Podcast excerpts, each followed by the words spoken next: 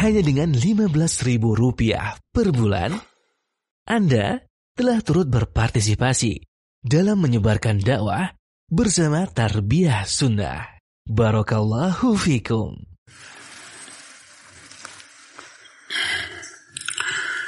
إن الحمد لله نحمده ونستعينه ونستغفره ونعوذ بالله من شرور أنفسنا وسيئات أعمالنا من يهده الله فلا مضل له ومن يضلل فلا هادي له. وأشهد أن لا إله إلا الله وحده لا شريك له. وأشهد أن محمدا عبده ورسوله. يا أيها الذين آمنوا اتقوا الله حق تقاته. ولا تموتن إلا وأنتم مسلمون. يا أيها الناس اتقوا ربكم الذي خلقكم من نفس واحدة وخلق منها زوجها وبث منهما رجالا كثيرا ونساء واتقوا الله الذي تساءلون به والأرحام إن الله كان عليكم رقيبا يا أيها الذين آمنوا اتقوا الله وقولوا قولا سديدا. يصلح لكم أعمالكم ويغفر لكم ذنوبكم. ومن يطع الله ورسوله فقد فاز فوزا عظيما. أما بعد فإن أصدق الحديث كتاب الله. وخير الهدي هدي محمد صلى الله عليه وآله وسلم. وشر الأمور محدثاتها وكل محدثة بدعة وكل بدعة ضلالة وكل ضلالة في النار. قال الله تعالى في كتابه الكريم أعوذ بالله السميع العليم من الشيطان الرجيم. قل إنما أنا بشر مثلكم. يوحى إلي أنما إلهكم إله واحد. Fastaqimu ilaih wastaghfiruh. Hadirin sedang Jumat yang Allah muliakan. Jumat yang lalu kita sedang membahas tentang kiat menggapai istiqamah. Istiqamah di atas kebaikan, iman, ibadah, dan amal soleh. Dan salah satu di antaranya adalah mempelajari tauhid lalu mengaplikasikannya. Ternyata di dalam beristiqamah semua orang merasakan ada kekurangan. Sudah berupaya maksimal berjuang, ada aja kekurangan. Lalu karena itulah Allah memerintahkan kita untuk banyak-banyak istighfar setelah berusaha istiqamah. Sebagaimana firman Allah dalam ayat yang tadi dibacakan. Qul innama ana basyarum mithlukum. Katakan oleh Muhammad. Aku ini hanya manusia seperti kalian. Yuha ilayya Bedanya aku diberi wahyu. Apa inti dari isi wahyu itu? Annama ilahukum ilahu wahid. Bahasa sesungguhnya sesembahan kalian yang sebenarnya adalah sesembahan yang esa satu-satunya. Ini tauhid. Lalu kata Allah, Fastaqimu ilaih. Istiqamahlah kamu di atas la ilaha illallah itu. Wastaghfiruh dan minta ampunlah kalian. Setelah perintah istiqamah, diperintahkan istighfar minta ampun. Apakah beristiqamah itu dosa sehingga disuruh untuk istighfar? Tentu saja bukan begitu. Istiqamah itu ibadah yang agung. Cuma di dalam melakukan istiqamah di atas kebaikan pasti ada kekurangan. Semua ibadah yang kita lakukan pasti ada kekurangan. Salat ada kekurangan. Makanya seusai salat, Assalamualaikum, Assalamualaikum. Nabi Wasallam istighfar tiga kali. Karena pasti ada kekurangan di dalam salatnya. Apalagi kita. Setelah umroh dan haji diperintahkan untuk istighfar karena pasti ada kekurangan. Termasuk ketika kita berupaya istiqamah, istighfar. Karena dalam istiqamahnya pasti ada kekurangan. Kekurangannya itu yang harus kita tutupi. Bagaimana caranya agar istiqamah berlanjut sampai akhir hayat? Tadi dijelaskan. Pelajari tauhid. Bagaimana cara mengesahkan Allah dalam beribadah? Dalam dua hal, pertama ibadah itu hanya boleh ditujukan kepada Allah, nggak boleh ibadah kepada selain Allah. Apa pun bentuk ibadahnya, sholat berupa ruku dan sujud hanya kepada Allah, berdoa hanya kepada Allah, menyembelih hanya untuk Allah Azza wa dan seterusnya. Itu pertama. Kedua, niat ketika beribadah kepada Allah juga diesakan hanya mencari ridha Allah. Bukan mencari dunia, kepentingan dunia, pujian manusia, pangkat, jabatan, dan seterusnya. Karena banyak orang yang ibadahnya kepada Allah, niatnya ingin dipuji, niatnya untuk kepentingan dunia, niatnya untuk meraih pangkat, dan seterusnya. Dua-duanya harus untuk Allah. Itu tauhid. Nah, kenapa tauhid ini bisa menyebabkan orang bisa istiqamah sampai akhir hayat? Jaminan Allah tu yuthabbitullahu alladhina amanu bil qawli thabit fil hayati dunya fil akhirah. Allah mengistiqamahkan orang-orang beriman karena ucapan yang mantap. Maksudnya la ilaha illallah. Karena la ilaha illallah Allah istiqamahkan dia.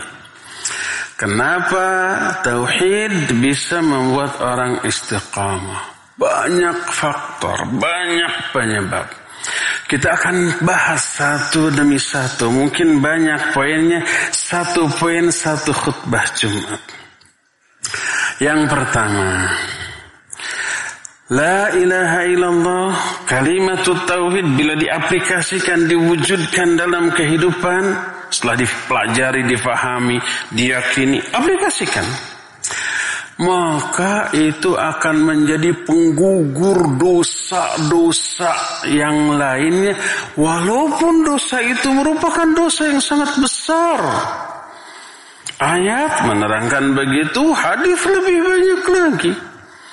Di antara ayat Allah menyatakan innallaha la yaghfiru ayyushraka bihi wa yaghfiru ma duna dzalika liman yasha' Allah tidak akan mengampuni dosa syirik. Pelakunya disebut musyrik. Perbuatannya disebut syirik. Syirik bahasa Arab bukan syirik bahasa Sunda, bahasa Indonesia artinya iri, bukan. Syirik dalam bahasa Arab artinya menduakan Allah dalam hal ibadah. Allah tidak akan ampuni dosa syirik. Tapi selain dosa syirik, Allah ampuni. Berarti orang itu kalau tidak syirik bertauhid. Dosa ahli tauhid diampuni. Ini ayat. Hadis lebih banyak lagi. Di antaranya berkata Rasul alaihi salatu wasallam dalam hadis yang diterima dari Abu Sa'id Al-Khudri radhiyallahu an, "Inna Allah harrama 'alan nar man qala la ilaha illallah yabtaghi bidzalika wajha Allah." Sesungguhnya Allah akan mengharamkan atas neraka. Siapa? Orang yang mengatakan La ilaha illallah dan dia hanya menginginkan wajah Allah, ridha Allah dengan ucapannya. La ilaha illallahnya itu ikhlas. Murni untuk meraih ridha Allah. Difahami, diyakini, diaplikasikan haram orang itu masuk ke dalam neraka. Kenapa Allah haramkan? Karena penyebab orang diazab dalam neraka itu adalah dosa dan dosa ahli tauhid oleh Allah diampuni. Berkata Rasul sallallahu alaihi qala Musa. Zaman dahulu berkata Nabiullah Musa, Rabbi alimni syai'an Adhkuruka wa ad'uka bihi.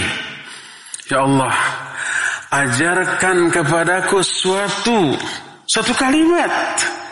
Aku akan berzikir kepadamu dan berdoa kepadamu dengan kalimat tersebut. Kalimat spesial nih. Dijawab oleh Allah, Qul ya Musa la ilaha illallah. Hei Musa katakan olehmu, la ilaha illallah. Lalu aplikasikan. Wujudkan dalam kehidupan. Diajari begitu, kalimat la ilaha illallah itu nggak asing bagi semua orang sejak zaman bahula. Nabi Musa setengah bernada komplain. Kata Nabi Musa, Ya Rabbi, kullu ibadika yaquluna hadha. Ya Allah, semua hambamu ini mengatakan kalimat tersebut. Kalimat itu bukan spesial lagi. Saya ingin yang spesial. Apa kata Allah Azza wa Jalla? Allah menyatakan, Ya Musa, Lau anna samawati sab'a wa amarahunna wal ardina sab'a fi kiffatin. Wa kalimat la ilaha illa fi kiffatin lamalat bihinna la ilaha illallah. Hai Musa kamu nggak tahu bahwa kalimat ini paling spesial nggak ada yang lebih spesial dari kalimat ini? Itu seandainya langit yang tujuh beserta isinya dan bumi yang tujuh lapis juga beserta isinya kita lihat alam jagat raya ini begitu luas, gede. Menurut kita yang kecil. Saking besarnya seolah-olah tak ada ujung pangkalnya. Di mana sih ujungnya langit? Tidak ada. Padahal ada. Cuma kita yang nggak melihat saking besar. Ini baru langit pertama. Di atas langit pertama tidak langsung langit kedua ada air. Sebanyak apa, sedalam apa air itu? Jarak atau kedalaman air di atas langit pertama itu sejauh jarak bumi dan langit. Air semua isinya. Di atas air itu baru langit kedua. Tahukah ketebalan langit kedua? Ketebalan langit kedua sejauh jarak bumi dan langit. Langit pertama juga tebalnya setebal itu. Di atas langit pertama ada air yang kedalamannya antara langit dan bumi. Di atas air itu ada langit kedua. Langit kedua juga ketebalannya sejauh jarak langit dan terus sampai langit ketujuh. Di atas langit kedua ada air. Di atas air ada langit ketiga. Di atas langit ketiga ada air terus sampai langit ketujuh. Di atas langit ketujuh ada air juga. Di atas air ada kursi Allah. Di atas atas kursi Allah juga ada air, di atas air ada arsh Allah. Di atas arsh tidak ada makhluk lain. Arsh itu makhluk Allah tertinggi dan terbesar. Allah istiwa di atas arsh. Allah tegak di atas arsh. Jadi lihat betapa besarnya langit yang tujuh lapis beserta isinya. Bumi yang tujuh lapis beserta isinya. Saking besarnya itu nggak ada timbangan yang bisa menimbang itu. Tapi kata Allah, kalau langit yang tujuh beserta isinya, bumi yang tujuh beserta isinya disimpan di daun timbangan dan kalimat la ilaha illallah disimpan di daun timbangan yang lain, niscaya akan lebih berat kepada kalimat tauhid la ilaha illallah. Dahsyatnya kalimah la ilaha illallah. Sampai langit yang tujuh beserta bumi yang tujuh kalah beratnya. Apa maknanya?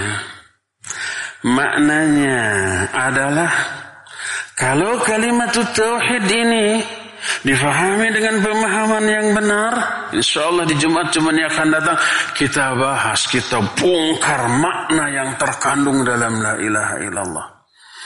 Kalau kita pahami secara benar, lalu kita yakini, lalu kita aplikasikan, kita amalkan dalam kehidupan keseharian kita, itu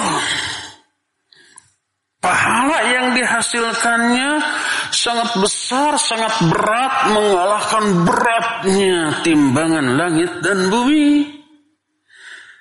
Karena itulah tidak heran apabila kalimat tauhid yang diwujudkan dalam kehidupan bisa menghapus dosa sebanyak apa pun, sebanyak langit dan bumi. Diterang. Dijelaskan lagi di dalam hadis yang lain.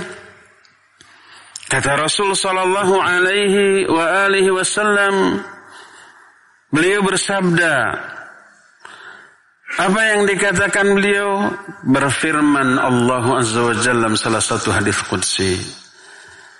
Kata Allah Azza wa Jalla, "Ya ibna Adam, lau ataitani bi qurabil ardi khataya thumma ataitani la tusyriku bi syai'a Ataituka biqurabiha maghfiratan. Hai anak Adam. Bila engkau mendatangi aku. Dalam keadaan kamu tidak menyekutukan aku dengan sesuatu pun. Tidak musyrik. Berarti mentauhidkan Allah. Mengesahkan Allah. Kalau kamu menemui aku. Nanti setelah mati bertemu aku. Dalam keadaan tidak musyrik. Dalam keadaan tidak sedang menyekutukan aku dengan sesuatu pun dan kamu datangnya dengan membawa kesalahan sepenuh langit dan bumi. Bayangkan, datang kepada Allah membawa dosa sepenuh langit dan bumi, tapi tidak syirik kepada Allah ketika di dunia. Tidak menyekutukan Allah dengan sesuatu pun dalam hal ibadah. Niscaya aku akan mendatangimu dengan membawa ampunan sepenuh langit dan bumi pula. Lunas sudah. Hadis-hadis ini oleh para ulama dibahas dalam kitab Tauhid dalam bab fadlu Tauhid, dalam bab keutamaan Tauhid.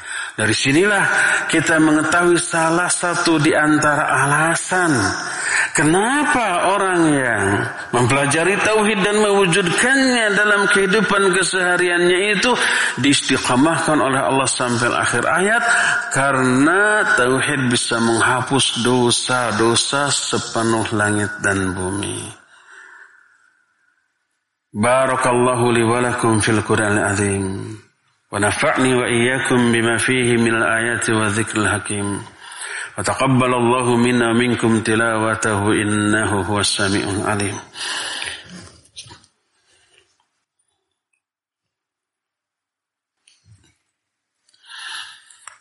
الحمد لله الذي أنزل السكينة في قلوب المؤمنين ليزدادوا إيمانا مع إيمانهم ولله جنود السماوات والأرض وكان الله عليما حكيما. وأشهد أن لا إله إلا الله وحده لا شريك له. إقرارا به وتوحيدا وأشهد أن محمدا عبده ورسوله. صلى الله عليه وعلى آله وأصحابه وسلم تسليما مزيدا وبعد. أيها الحاضرون أوصيكم ونفسي بتقوى الله فقد فاز المتقون. Hadirin sedang Jumat yang Allah muliakan. Sebagai penguat bahwa keutamaan tauhid salah satunya bisa menghapus dosa adalah sebuah hadis yang dikenal dengan sebutan hadis bitokoh. Bitokoh itu artinya kartu. Seperti kartu KTP atau ATM tipis kecil. Hadis bitokoh ini menceritakan tentang keutamaan tauhid.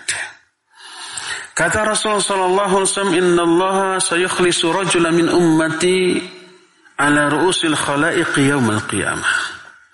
Allah ingin menyelamatkan salah satu di, di kalangan umatku di hadapan seluruh makhluk pada hari kiamat.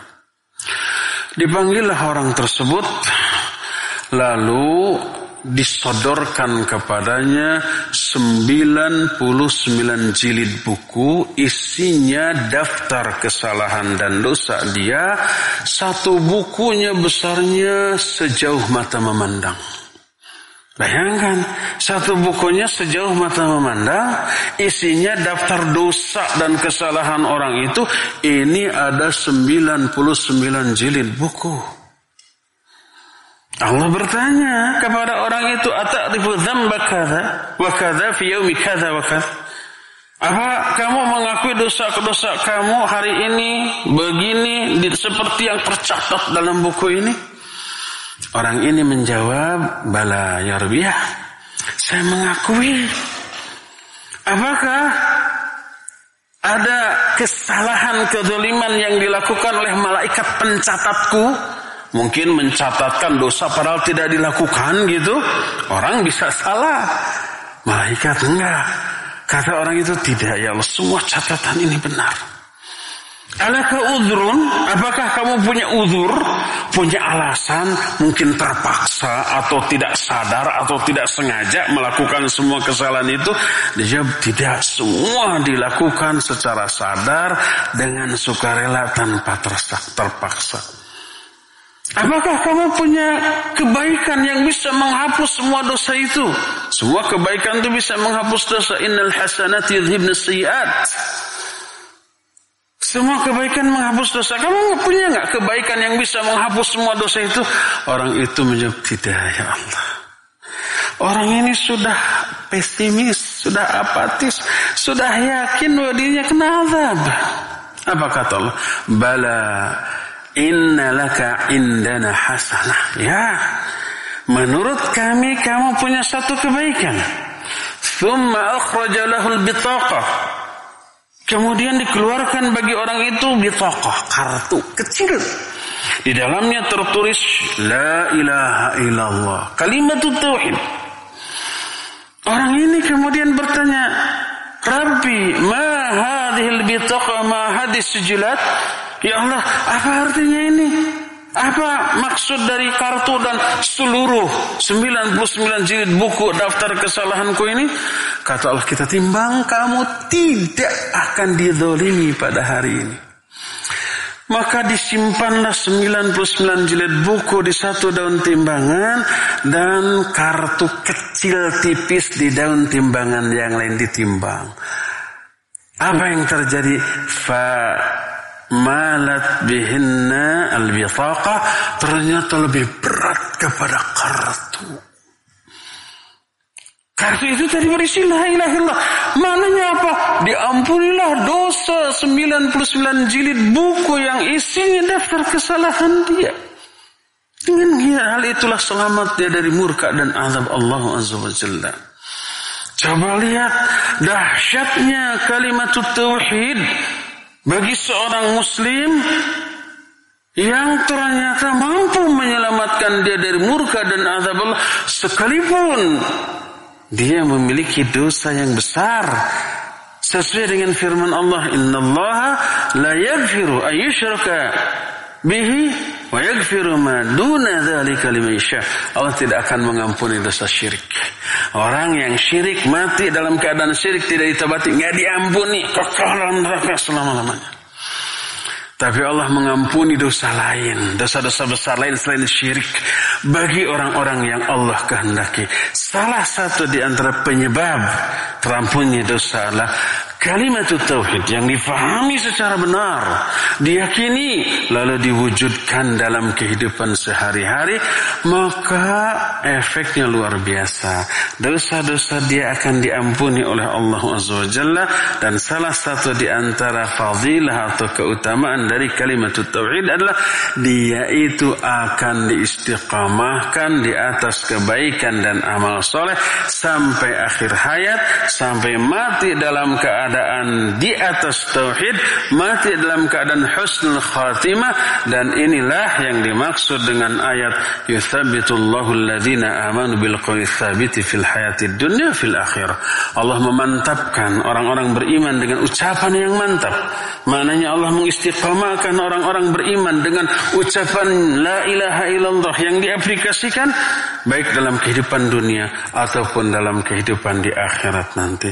Yuk, mumpung kita masih punya waktu hidup, punya usia yang tersisa dalam kehidupan di dunia ini, maka manfaatkan waktu sisa hidup kita untuk mempelajari tauhid, meyakininya lalu nanti diaplikasikan dengan sebenar-benar amalan sampai akhir hayat kita dosa-dosa kita di masa lalu insya Allah dihapus oleh Allah Azza wa Jalla. Al-a'mal bi khawatimiha. Amalan ini bergantung kepada amalan yang terakhir. Semoga Allah Azza wa masukkan kita ke dalam golongan ahli tauhid. Inna Allah malaikatahu yusalluna ala nabi. Ya ayyuhalladzina آمنوا صلوا عليه وسلموا تسليما. اللهم صل على محمد النبي الأمي وعلى آله وصحبه وسلم. آمين. اللهم اغفر للمؤمنين والمؤمنات والمسلمين والمسلمات الأحياء منهم والأموات. ربنا ظلمنا أنفسنا وإن لم تغفر لنا وترحمنا لنكونن من الخاسرين. اللهم إنا ظلمنا أنفسنا ظلما كثيرا ولا يغفر الذنوب إلا أنت. فاغفر لنا مغفرة من عندك وارحمنا إنك أنت الغفور الرحيم. اللهم اكفنا بحلالك عن حرامك واغننا بفضلك أما سواك. اللهم إنا نعوذ بك من غلبة الدين وغلبة العدو وشماتة الأعداء. اللهم إنا نعوذ بك من الهم والهزان والعز والكسل والبخل والجبن والحرم وعذاب القبر. اللهم آت نفوسنا تقواها وزكيها أنت خير من زكاها أنت وليها ومولاها. اللهم إنا نعوذ بك من علم لا ينفع من قلب لا يخشع من نفس لا تشبع ومن دعوة لا يستجاب لها. اللهم إنا نعوذ بك من البراس والجنون والجدام ومن سيء الأسقام. اللهم إنا نعوذ بك من منكرات الأخلاق والأعمال والأهواء والأدواء. اللهم إنا نسألك فعل الخيرات وترك المنكرات وحب المساكين وأن تغفر لنا وترحمنا وإذا أردت فتنة قوم فتوفنا غير مفتونين. اللهم أصلح لنا ديننا التي هي اسمة أمورنا وأصلح لنا دنيانا التي فيها معاشنا وأصلح لنا آخرتنا التي فيها معادنا واجعل الحياة زيادة لنا في كل خير واجعل الموت راحة لنا من كل شر.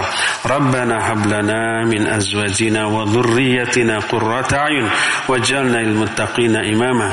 ربنا أوزعنا أن نشكر نعمتك التي أنعمت علينا وعلى والدينا وأن نعمل صالحا ترضاه وأصلح لنا في ذريتنا إن تبنا إليك وإنا من المسلمين. ربنا هب لنا من الصالحين. ربنا هب لنا من لدنك ذرية طيبة. إنك سميع الدعاء. رب اجعلنا مقيم الصلاة ومن ذريتنا ربنا وتقبل دعاء. ربنا لا تزغ قلوبنا بعد إذ هديتنا وهب لنا من لدنك رحمة إنك أنت الوهاب. ربنا آتنا في الدنيا حسنة وفي الآخرة حسنة وقنا عذاب النار. سبحان ربك رب العزة عما يصفون. وسلام على المرسلين. الحمد لله رب العالمين. أقول قولي هذا واستغفر الله لي ولكم وأقيموا الصلاة.